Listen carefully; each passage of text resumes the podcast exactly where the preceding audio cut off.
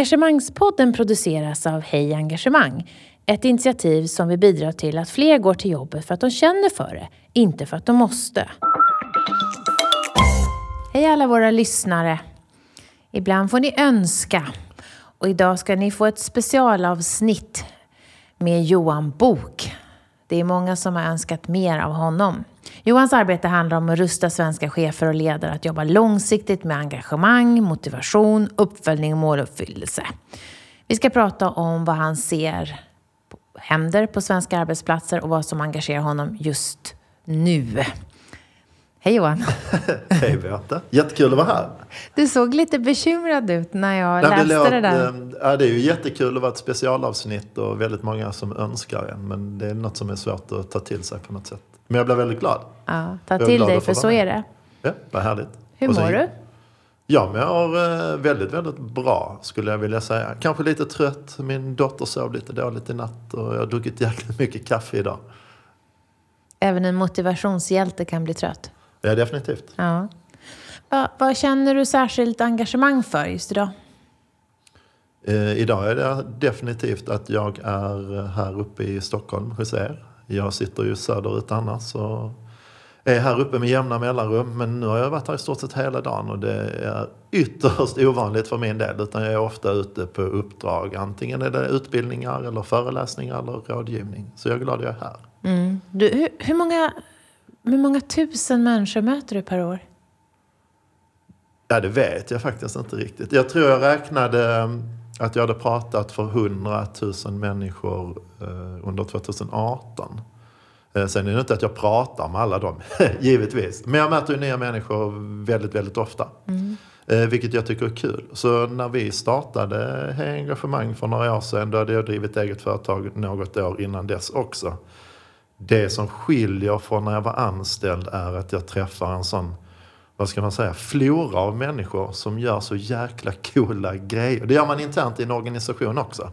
Men här blir det så olika saker. Folk de är helt orädda. De, och jag ska inte säga att de offrar liv, men de, sätter, de pantsätter sitt hus för någonting de eh, tror på. Och om man frågar dem så här, men om det går åt pipande, ja men då får jag väl göra någonting nytt.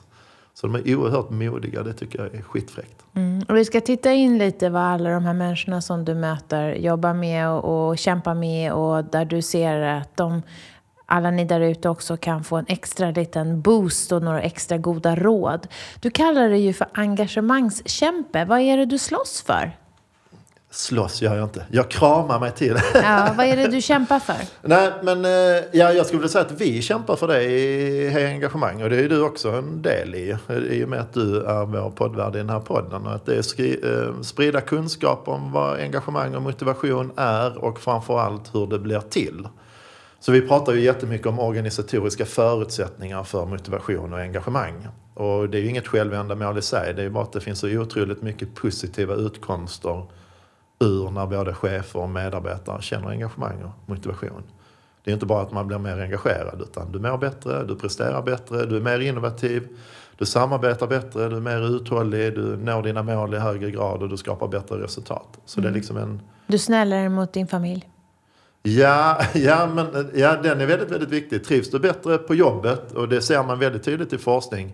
Upplever du att du har ett meningsfullt jobb där du känner dig värdefull och utvecklas så kommer det påverka din livskvalitet i väldigt hög grad. Och givetvis påverkar det ju en privat då också. Mm.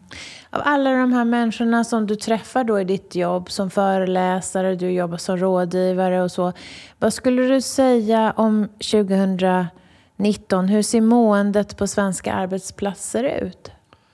Nu är jag ju lite färgad av att ofta när jag är ute hos kunder är ju sprunget ur något behov. Det vill säga att de vill göra saker bättre. Och det innebär ofta att de redan har påbörjat en resa som har pågått en tid. Det vill säga att de tycker engagemang och motivation är viktigt. Men om man mer tittar på statistik och studier så ser man ju att det inte ser sådär superbra ut. Och den psykiska ohälsan exploderar. Det är de enda sjuktalen som ökar. Alla andra går ner eller står still. Eh, och givetvis så finns det ju en sida som heter individ och en som heter organisation.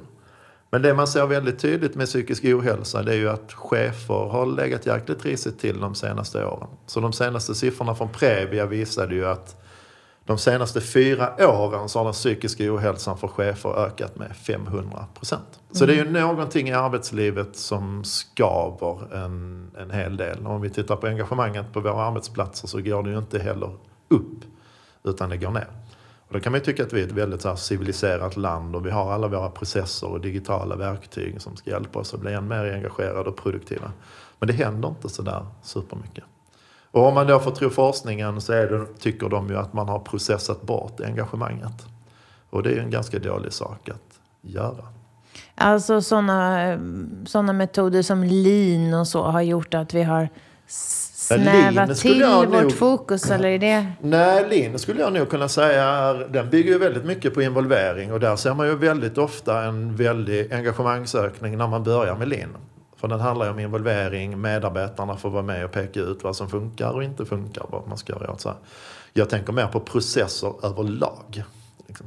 Hur ska vi arbeta med våra processer? Och så är det någon där uppe som bestämmer hur alla processer ska se ut istället för de som faktiskt ska leva dem. Och kväver medarbetarnas engagemang på andra ställen i organisationen då?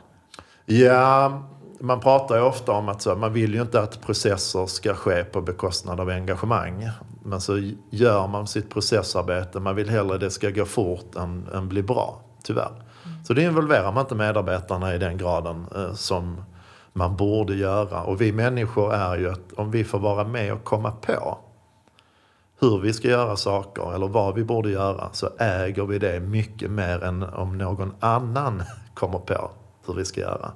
Så det man ser då i förändringsledning det är att involvering bygger på att ja, okej, då kommer medarbetarna på en massa saker och då kommer de göra det i mycket högre grad än om någon annan kommer på det. Så om man tittar i innovationsforskning så är det ju väldigt tydligt. Ett, ha en jäkligt tydlig riktning åt vilket håll ska vi innovera. Det får inte bara vara att man ska bli innovativ generellt och sen börja involvera medarbetarna och hjälpa dem att förverkliga sina idéer. Och att då som högsta ledning inte tro att man alltid vet bäst. Utan det kanske kan vara en idé som någon medarbetare har som man tycker är totalt idiotisk. Som är genial. För man förstår inte det utifrån sin egen erfarenhet och övertygelse och så vidare. Så din diagnos handlar då om att vi behöver mer autonomi, mer... Ja, autonomi ser man ju inom forskningen också. Det är ju det som främst främjar motivation, välmående och prestation. Det vill säga det här självstyret, självledarskapet. Det man ofta glömmer bort i organisationer, om man vill dra nytta av sina chefer och medarbetares självledarskap så behöver man ett fantastiskt ledarskap. Annars så kommer man förinta det där lilla självledarskapet som finns. Och då kommer självledarskapet i en organisation förmodligen då gå ut på att medarbetare och chefer tar modiga beslut att bege sig därifrån. Och det är ju lite dumt, tycker jag i alla fall. Mm, mm.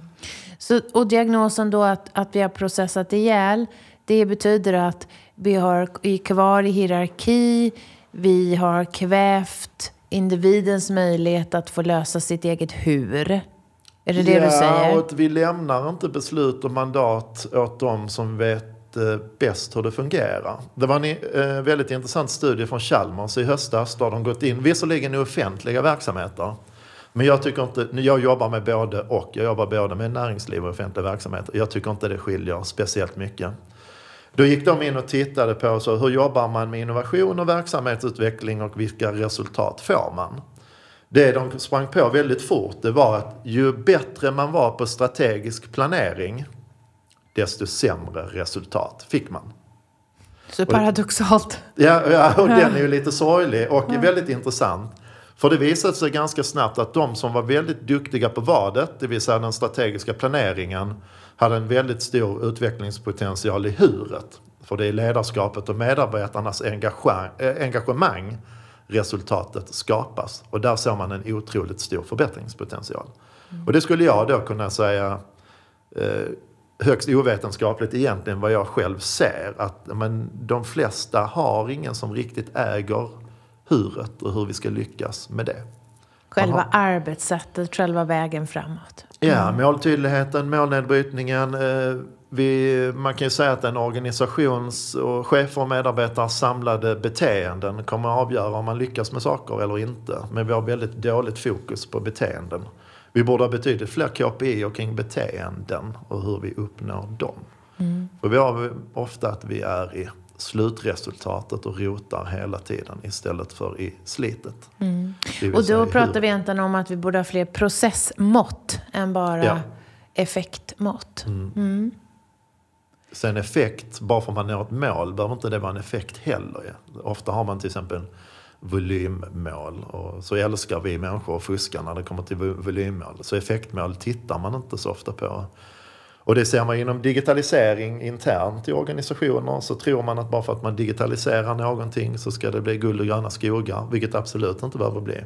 Och där är man superdåliga på att följa upp effekterna. Gör vi det vi har sagt vi ska göra och skapar vi det värdet som det var tänkt vi skulle skapa. Det lägger man lite för lite tid på. Skulle jag säga. Och steget innan tycker jag, som jobbar med digitalisering, är att vi har fel kopior för att mäta mm. digitalisering. Så att även om vi skulle sen mäta så mäter vi, tycker jag, fel. Ja. Mm. Och nu är vi ändå väldigt glada att mäta väldigt mycket. Om vi tittar utifrån New Public Management. att vi vill ju mäta allt och ingenting. Och så vet vi inte riktigt vad vi mäter. Och vi vet inte riktigt vad det vi ser är för någonting. Och vi vet inte hur vi ska agera på det. Men det tar en jäkla massa tid för organisationen att få fram datan. Det krävs mycket rapportering. Så där är du lite kritisk?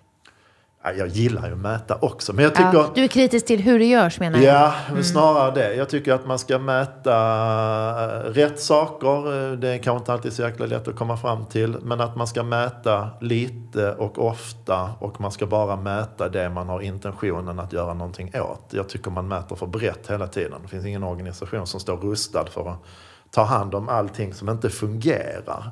Mm.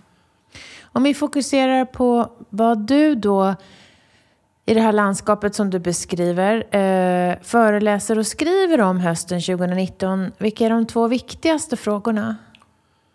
Det jag främst pratar om det är ju alltid ledarskapet. Och det ser man ju väldigt tydligt att det är liksom det som är nyckeln till medarbetarnas både engagemang och prestation och måluppfyllelse och välmående. Så det pratar jag väldigt mycket om. Så den bästa medicinen man kan ha i livet det är egentligen en duktig chef. För då förblir man frisk uppe i huvudet eh, mycket mer än, än om man har en lite mer bristfällig chef. Men också hjärt och kärlsjukdomar. Så den korrelationen är väldigt, väldigt stark. Se till att ha en duktig chef så kommer du förbli frisk i huvudet och i hjärtat eh, mycket längre än om du inte har det. Eh, och så ser man ju att har man en chef som är väldigt stressad och drabbas av psykisk ohälsa, då är sannolikheten att man själv också gör det väldigt hög. Så det jag pratar om är att se till att börja ge riktigt bra organisatoriska förutsättningar för chefer att också vara duktiga ledare. För det tittar man sällan på. Man ställer ofta krav på chef. Ja, men så här ska cheferna inom Hej engagemang vara, skulle vi kunna säga. Och så ger man dem inte några bra förutsättningar att vara det. Vi säger de ska se varenda medarbetare, det finns inte en sekunds möjlighet Nej, till det till exempel. Jag är ibland inne i organisationer där man, folk kan ha 120 direktrapporterande medarbetare eller de kan ha 60 till 80 direktrapporterande medarbetare. Fastän man ser i forskning att direkt det går över 15 till 20 direktrapporterande medarbetare så sjunker produktiviteten och så ökar sjuktalen ganska drastiskt. Så då kan man ju säga att har du fler än 20 medarbetare som chef, ja då har du dåliga förutsättningar att vara en duktig ledare. Så då borde man lära sig av vad forskningen säger, hur man ska bygga organisationer, hierarkier, vilka som ska bli chefer och inte, vilket stöd man ska ge dem, vad det är som skapar engagemang och motivation och så börja bygga organisationer utefter det. Istället för bara en massa hittepå-saker. Vi är dåliga på att göra om, så att säga. Mm. Vi vet ju att det finns en sån akut, ett sånt akut behov av förbättring, om vi inte ens säger ordet förändring, utan förbättring. Mm. Och vi behöver jobba snabbare, vi behöver öka engagemanget, vi behöver få fler att känna sig motiverade och hitta så att säga sin frivilliga ansträngning om de ska mm. göra mer. Vad är det vi inte fattar? Fattar. Varför gör inte fler organisationer det här? Vi fattar inte att genvägar är sen, senvägar. Vi vill så himla gärna kunna köpa oss till det där värdefulla engagemanget och motivationen. Som vi på engagemang här hade kunnat ta fram en, en pilla som ökade motivationen hos alla. Då hade vi ju varit mångmiljardärer eh, flera gånger om. Men det finns ju inte det, utan det sker ju liksom i, i mänskliga interaktioner så att säga. Så då måste det liksom, vi börja förbättra ledarskapet och det måste börja ända uppifrån. Och sen är det väldigt många som köper in ledarskapsutbildningar och så har de massa jäkla olika moduler. Men de får aldrig någonsin för sig att titta på, men vad säger forskningen om ledarskapsutvecklingsinsatser som faktiskt ger effekt? Så då är man åter tillbaka så, men köp inte bara... Vad sa du? Att gissa och famla i mörkret Ja, du gissar och tror. Det som man kan titta på lärande, om vi då pratar digitalisering också, så kommer vi behöva lära oss nytt hela tiden. Men vi har sån övertro på lärande så det är inte klokt. För om inte lärande övergår i en praktik, i görandet, så är det ju ingenting värt.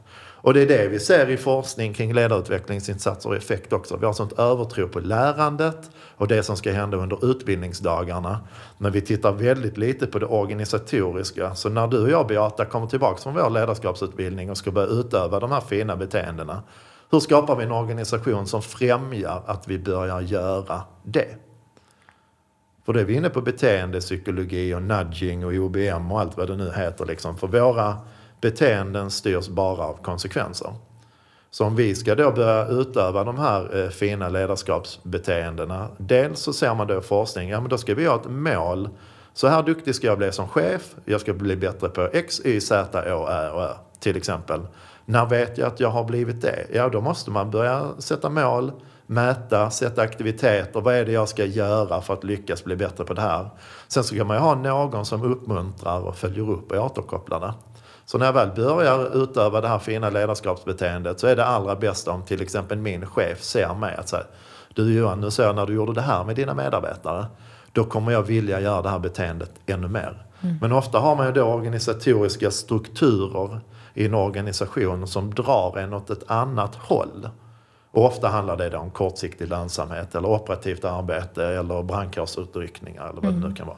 Och Eller det- vi tror att det är bättre för vi har gjort så i 22 år och vi orkar inte komma på något annat. Ja, och sen, jag vet inte, nu har jag hållit på med det här i nästan 20 år och väl suttit med några tusental chefer. Det som alltid kommer upp det är att man inte har tid. Man har inte tid för ledarskapet och vissa har verkligen inte tid. Man kan jobba i en konsultorganisation till exempel och så har du kanske 20 medarbetare och så ska du ändå debitera 100% av din tid till kund. Då finns det ingen tid. Men i många fall är det ju faktiskt så att du är kanske ekonom, du är kanske programmerare, du är kanske marknadsförare. Så det är det du brinner för egentligen. Så vår hjärna är ju designade för att få täta kvitto på att vi har bra saker. Så då flyr man ut i det operativa. För det är där du kommer göra det du brinner för och du kommer få täta kvitto på att du gör bra saker hela tiden.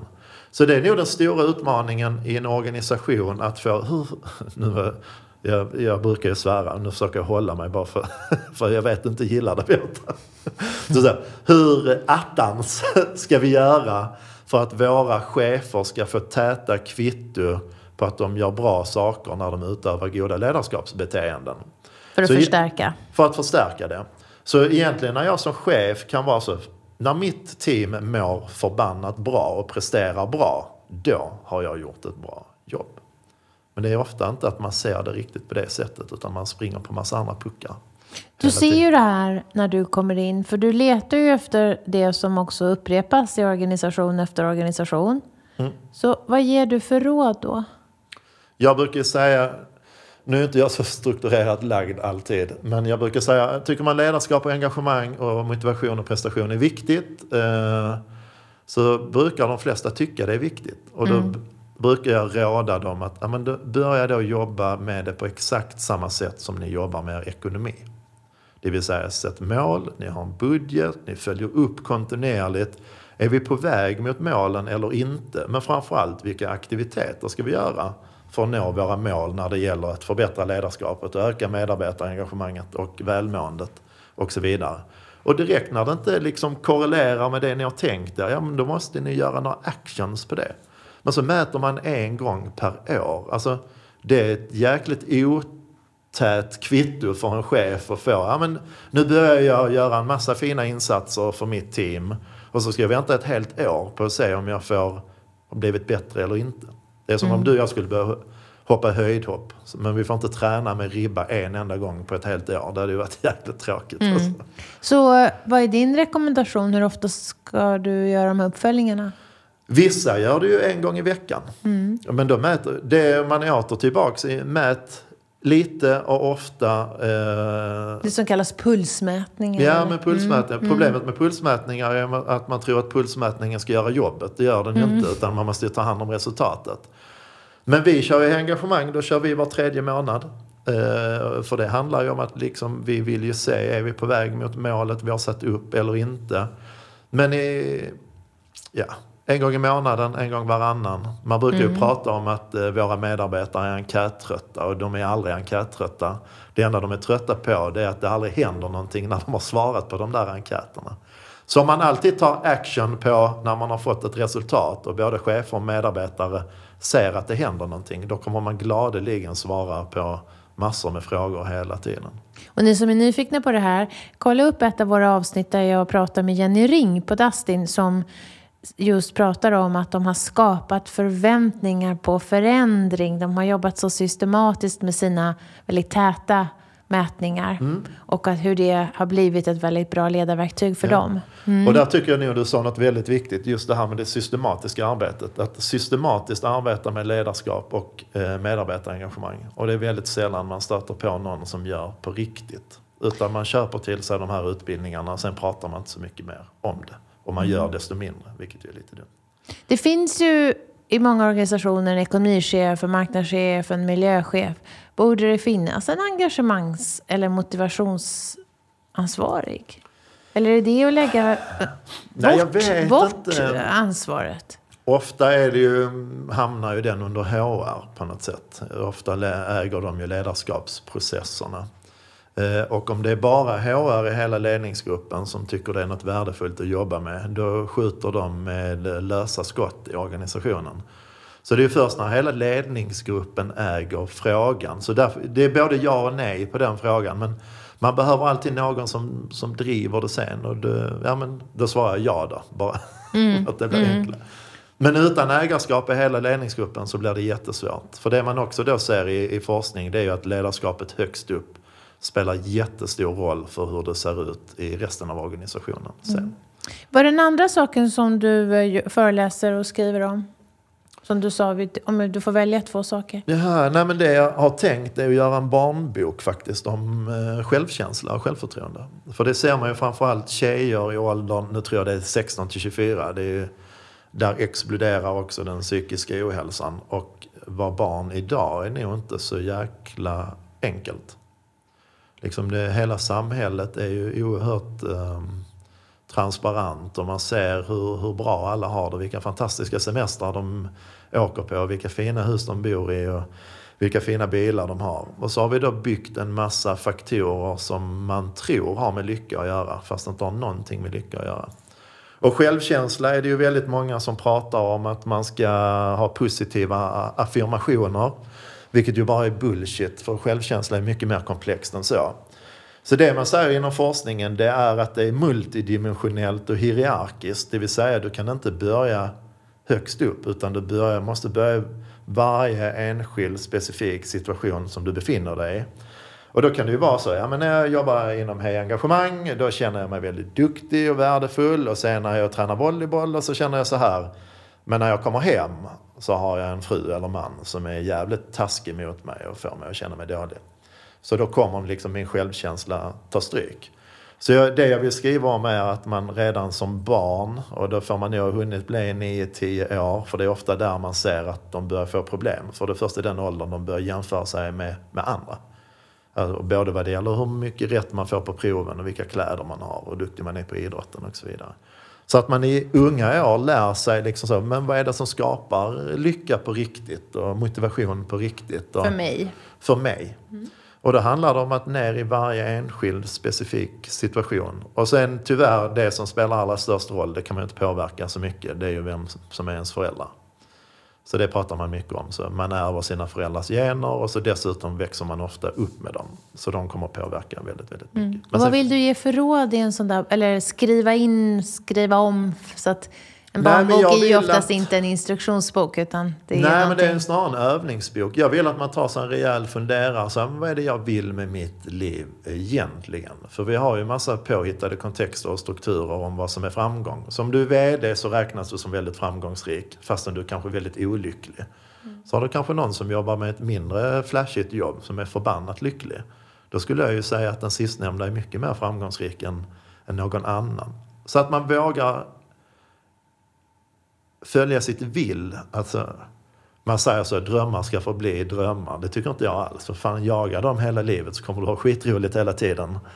Eh, våga följa ditt vill, men då måste man ju först komma fram till vad man vill. Och bara för att dina föräldrar tycker du bör, bör plugga på handel så är det kanske inte det du ska göra för att bli eh, ditt lyckligaste jag.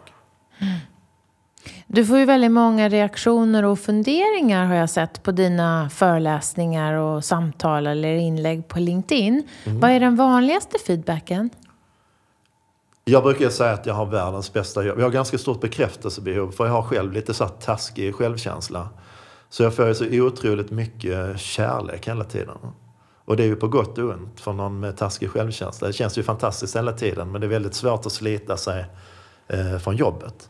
Så jag skulle säga att jag mestadels får väldigt, väldigt så positiva reaktioner. För jag pratar... På vad? Folk, alltså när man pratar om förutsättningar för motivation och psykologiska behov och vad man då behöver på jobbet för att känna motivation och välmående och prestation så känner ju alla igen sig. Så jag pratar om det folk vill ha. Och då är det väldigt lätt att tycka om den här personen mm. eller tycka mm. fan vad Johan är vettig. Trots att jag bara är en budskapsbärare från världens mest evidensstarka arbetspsykologiforskning. Så jag säger egentligen saker som andra vettiga människor mm. har fått komma fram till. Mm. Sen om de tycker jag Åh, oh, vad bra han tycker som jag, brukar jag säga. Mm. Ja. Eh, och sen är det ju vissa som tycker att det är floskler. Ja, men det här har jag hört innan. Och då brukar jag ta den här, att ja, men då vill jag väldigt gärna höra hur ni jobbar med just den här frågan i er organisation. Så floskler är ju ofta det som alla känner igen sig i men inte gör. Mm. Vad är det som berör dig mest i den feedback du får? Du kan ju få så 70 kommentarer på ett LinkedIn-inlägg. Ja, det är nog faktiskt främst... Eh, det får jag ganska mycket. Jag har blivit ganska duktig på att få folk att säga upp sig. Eh, och det är inte alls min mening. Och det är många som skriver tackar mig där. Vad har du gjort då?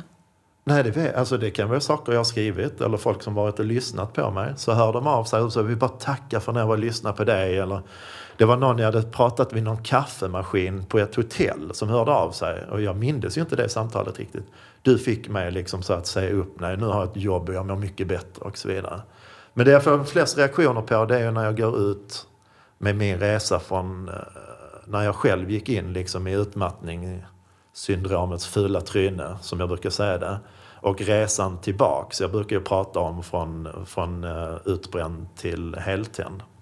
Uh, och hur otroligt dåligt många människor mår, det berör man ju allra, allra mest. Beroende mm. på sitt jobb mm. och hur arbetsmiljön ser ut där. Så varje gång jag gör ett inlägg kring det så har jag dagar att svara på meddelanden i min inkorg på LinkedIn från folk som mår Direktmeddelanden? Direkt ja absolut. Jag har väl en 40 direktmeddelanden per dag i min LinkedIn eh, och jag har gett mig fan på att svara på allt. Eh, men de mår så fruktansvärt dåligt och det är liksom, ja de vill ha hjälp och jag kan ju inte hjälpa dem med allting. Så det jag brukar råda dem till det är att eh, lägg fötterna på ryggen och följ ditt vill. Och framförallt inte vara kvar på en arbetsplats som man tycker dränerar en på energi eller inte lever de värderingarna som man har utan att ha modet att ta sig någon annanstans. Och det modet kan se olika ut för olika personer. Som, som det jag kanske tycker skulle vara väldigt modigt för mig själv skulle du kanske bara tycka ah, det var ju bara ett beslut att ta och så drog jag någon annanstans. Men vi människor är väldigt trygga av naturen. Det var ju någon svensk studie som kom för ett tag sedan. Då såg de att 53 procent av den svenska arbetskraften vill byta jobb. 53 procent. Men det är bara 11 som söker nytt. Så en ganska stor procentandel som sitter eh, eller står eller vad man nu gör på sitt jobb och blickar ut genom fönstret. Och där borta skulle jag mycket hellre jobba. Hos mig väcks två reaktioner. Dels är det ju så sorgligt. Mm. För vi gör ju det här så stor del av vår tid. Och det andra är att jag blir arg. Jag blir arg att människor inte tar sig själva på mer allvar. Mm. och hittar så många bortförklaringar. Och då med respekt för alla som lyssnar, som sitter och är ensamförsörjare eller jobbar på en ort där det inte finns någonting annat. Jag har full respekt. Men hela livet är också situationen. Då kanske du får fylla på i så fall väldigt mycket på din andra del när du inte är på det här stället. Eller att, att, Ja, att bli så skadad av sitt arbete är ju ja, inte riktigt inte... att ta ansvar i det mm. långa loppet. Ja, jag tror, vi kan ju inte hjälpa att vi blir skadade heller. Jag har ju rannsakat mig själv när jag gick in i väggen. Jag vaknade i en ambulans en dag och bara tänkte, vad fan, vad fan gör jag här? Och efter det har jag rannsakat mig själv jättemycket. Så, men Johan, om du nu tyckte jobbet sög så jäkla mycket, varför gjorde du inte någonting åt det? Men det var väldigt tydligt för mig att jag tyckte att jag hade ett bra jobb. Jag hade fantastiska kollegor. Vi levererade fantastiska saker till våra intressenter men vi hade en chef som erbjöd en arbetsmiljö som var under all kritik. Men jag hade inte en aning om att jag skulle vakna upp i en ambulans. Inte en, inte en susning överhuvudtaget. Så när jag väl hade varit sjukskriven ett tag så ringde ju min då före, före detta, detta chef som var fantastisk och undrade hur det var med mig av riktig omtanke till skillnad från den förstnämnda då. Eh, och då frågade hon så här, men är det någonting jag kan lära mig av det här Johan, att hålla utkik efter för mina medarbetare? Och då var jag så, ja du skulle nog kunna hålla utkik efter 1, 2, 3, 4, 5. Men jag tror aldrig någonsin att jag hade erkänt det, vare sig för mig själv eller för dig, att det var någonting som jag inte klarade av. Så jag pratar ju väldigt ofta om att vi måste vara mycket mer proaktiva än vad vi är reaktiva. Som nu kom det ju en stor studie från Avanova, som är en företagshälsovård, som tittat på 300 företag. Då såg de ju så att de som jobbade proaktivt med arbetsmiljöarbetet, förutom att de då hade mycket friskare medarbetare, så hade de fem gånger högre vinstmarginal än de som jobbade reaktivt med arbetsmiljöarbetet. Det är väldigt stor skillnad. Väldigt, väldigt stor skillnad. Och för min del var det så. Men, och då min, den här fantastiska chefen som jag hade haft innan då. För, men, men när du var hos mig, och då var jag så men det hade aldrig hänt hos dig. För då fanns alla förutsättningarna på plats att må bra och prestera bra. Mm. Så den där korrelationen som vi pratade innan, att korrelationen duktig chef och hur vi mår och eh, hur vi är motiverade att prestera på jobbet. Den är ju så jäkla stark. Men det finns ju något som heter friskvårdsbidrag också. Och det låter ju som ett bidrag för att vara frisk. Men det finns ingen som helst korrelation mellan att ha friskvårdsbidrag eh, på jobbet och vara friskare än någon som inte har det. Så det gäller att börja i rätt ände och det gäller att se till att det finns jäkligt bra förutsättningar för ett bra ledarskap. För det är där allting börjar. Mm, tillbaks till ledarskapet. Mm. Vad är det som retar upp dig mest i de reaktioner du får? Nej, men det är nog inget... Eh, jag får ofta väldigt bra reaktioner. Det är väl om jag är ute på arbetsplatser och upptäcker att de har en jävla unken människosyn. Det blir jag riktigt provocerad av. Och jag tycker, nu vill jag inte svära igen, baske mig, att eh, man är inte framgångsrik som organisation bara för att man tjänar en massa pengar. Men när man däremot är, är, eh, har friska, välmående, engagerade medarbetare som presterar bra, då är man otroligt framgångsrik skulle jag vilja säga. Och så ser vi ju forskningen, ju, mer ju bättre ledarskap, desto bättre engagemang, desto bättre prestation, desto bättre ekonomiskt resultat. Det är liksom, har vi sett i decennier. Men företag och organisationer har ju svårt att ta sig dit. För det behöver inte bara vara monetära resultat. Det kan ju vara kvalitet och index och volymer och så vidare. Så jag skulle vilja, och det är ju det vi kämpar för i här engagemang, att sprida kunskapen om vad säger forskningen om hur man bygger organisationer och ledarskap och medarbetarskap som bygger på engagemang och välmående och prestation så att vi liksom kan prestera ännu bättre resultat.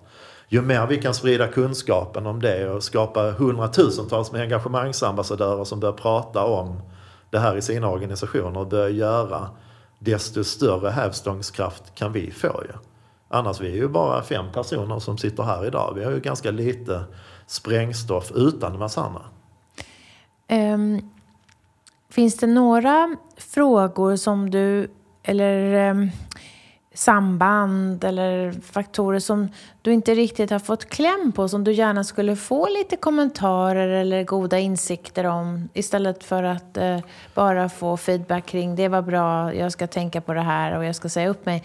Någonting, du kan ju efterfråga det här nu i podden när vi har våra Ja, alltså, men någonting som jag grubblar på varje dag det är ju varför man inte prioriterar frågan på riktigt högst upp i ledningsgruppen. Det är nog det jag är allra, allra mest intresserad av. Vad är det som gör att man inte tar tag i den här frågan på riktigt?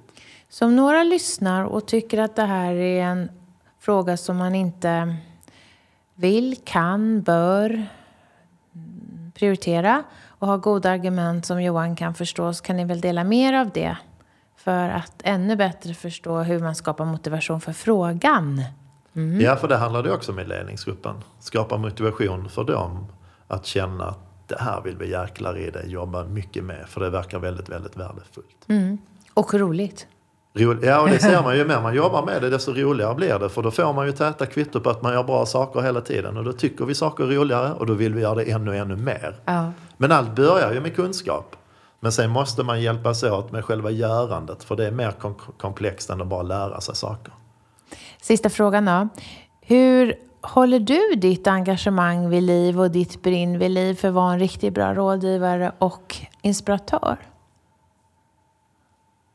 Uh, ja, jag är, jag är osunt intresserad av arbetspsykologiforskning. Uh, Och sen har jag många gånger så här, jag hade velat ha förtroendet, kapitalet som en professor har. Men jag har ganska snabbt insett att jag nog inte har tålamodet för att vara en forskare. Alltså oerhört långa processer och så vidare. Eh, Men forskning ger dig engagemang. Forskning ger mig engagemang, definitivt. Att träffa andra människor ger mig engagemang. Um, ja, nu kändes det som jag spann iväg igen. Ja, det är jag, eh, den största superkraften och samtidigt kanske problemet för mig är att jag jobbar med det roligaste jag vet.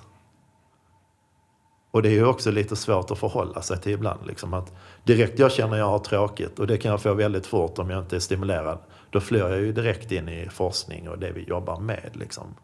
Men jag är otroligt engagerad i själva frågan. Det räcker om man börjar prata om det så tror jag att jag blir en liten annan Johan. Liksom. Blir du engagerad över att du kan skapa förändring eller blir du engagerad över att vara en del av lösningen eller att Nej, du jag ser ett samband och får lära dig något? Vad är det du att verkligen går igång på? Ja, men jag tror att mitt engagemang är sprunget ur en frustration. Där jag tycker så vi kan göra det här så jäkla bra. Varför gör vi inte det när kunskapen finns? Så jag tror det är en frustration och lite som du sa innan, sorgligt. Jag tycker det är sorgligt att folk mår dåligt på sin arbetsplats. Jag tycker det är sorgligt att folk inte vågar följa sitt vill på riktigt. Och det behöver inte bara gälla i arbetslivet, det kan gälla i privatlivet också. I relationer man lever i, eller vilka vänner man har, eller vad man gör och så vidare. Att våga ta modiga beslut att följa sitt vill. Så jag tror det är att jag tycker det är sorgligt att folk inte vågar det. Och jag tycker det är jäkligt frustrerande att vi inte skapar arbetsmiljöer där folk mår bra och presterar bra. När svaren finns. Exakt. Jag skulle vilja säga att du är en engagemangsfolkbildare, Johan. Ja, vad bra, tack. Det vill jag vara. Ja. Så både kämpe är bra, men kämpe låter som det är ett ämne som är på något sätt inte det finns så mycket gehör för, som att du måste bereda väldigt mycket mark. Jag tycker folkbildare, då har vi redan börjat och så kan vi bara gasa på. Så Bör tycker vi jag. göra Ja, på rätt sätt. ja. Tack för att du var med i din egen podd. Ja, stort tack själv Beata. Jag Och tack alla ni roligt. som önskar och vill och skickar kommentarer och frågor. Ni tipsar om nya gäster. Några kommer dyka upp här framöver. Och det är härligt för vi gör ju det här för er. Vi pratar ju om de här frågorna för att det ska bli bättre för er som lyssnar. Hej då! Vi hoppas att vi har väckt tankar om hur du kan bidra till ett mer engagerat Sverige. På hejengagemang.se kan du hitta mer inspiration och tips kring hur du som individ, ledare och organisation kan jobba för att skapa ett ökat engagemang, välbefinnande och nya resultat. Tack för att du har lyssnat!